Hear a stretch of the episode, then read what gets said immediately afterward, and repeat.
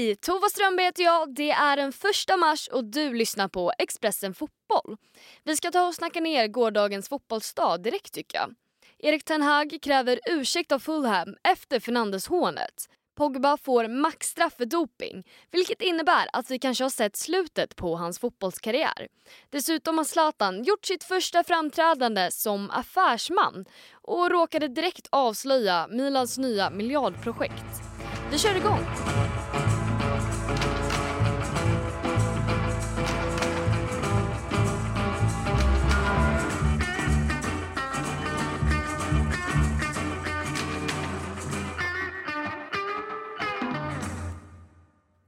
I lördags ställdes Manchester United mot Fulham i Premier League. De sistnämnda fick med sig tre poäng efter ett sent mål i 90 plus 7. Efter matchen så publicerade de sedan ett klipp på sitt officiella TikTok-konto.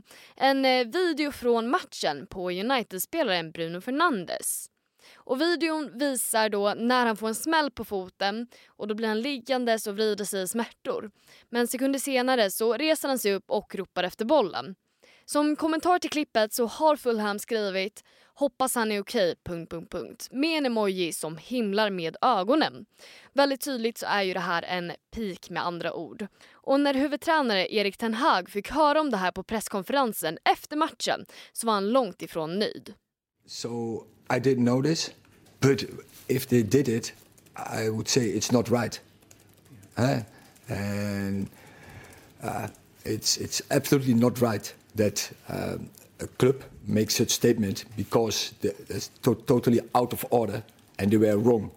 So they should apologize for this. Han kräver alltså nu att Fulham ber om ursäkt för det här inlägget. Men om det blir något gensvar på det här, det återstår att se.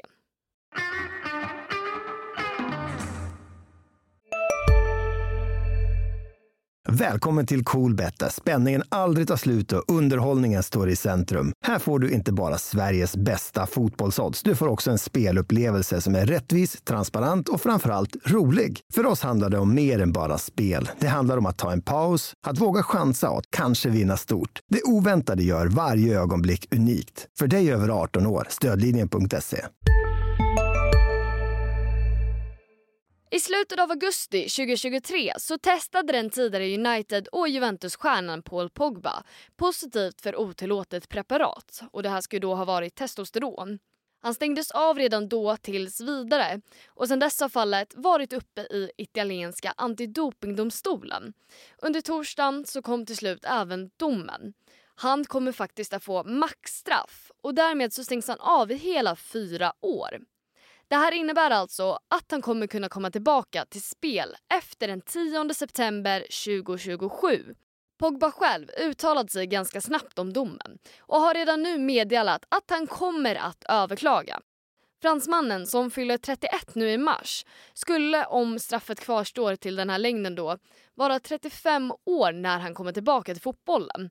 Och det här har ju fått många att spekulera kring huruvida det här kanske faktiskt är slutet på hans fotbollskarriär. Italienska journalisten Mina Rusuki sa följande om situationen till BBC. As he's turning 35 is when he would, would finish if this four years is going to last and is going to stay um, and confirmed.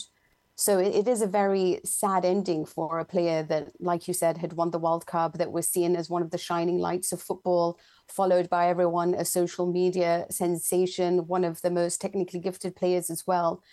And it, it seems like most people agree that he just never really lived up to his potential.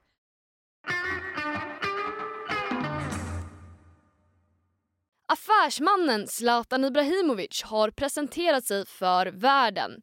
På Financial Times event Business and Football Summit gjorde han sin första intervju sedan han blev en del av riskkapitalbolaget Redbird Capital Partners. Och han presenterades ju absolut med ett brak. Han hade fått frågan om hur Serie A ställer sig mot Premier League och förklarade att det inte handlade om pengar utan snarare något annat. Ja, och vad blev ju då uppföljningen på det här? Jo, han råkade ju då avslöja att Milan kommer att bygga en helt ny arena. Klubben lämnar alltså San Siro bakom sig, något som har snackats om ett längre tag men som blev officiellt först igår. I samband med det här så berättades det också att arenan kommer att ha 70 000 platser och ägas enbart av Milan. Enligt Gazzetta dello Sport så kommer arenan att byggas i Milanos sydöstra delar och stå klar till säsongen 28-29 ungefär. Även om vi inte har en exakt siffra på det här än så ryktas det nu om att det skulle kunna kosta ungefär 5 miljarder kronor.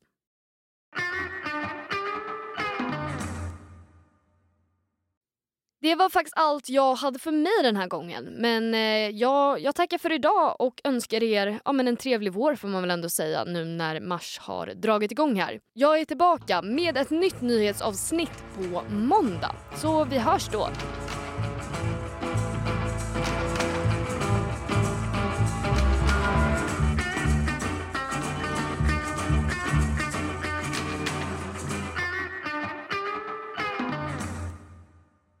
Du har lyssnat på en podd från Expressen. Ansvarig utgivare är Klas Granström.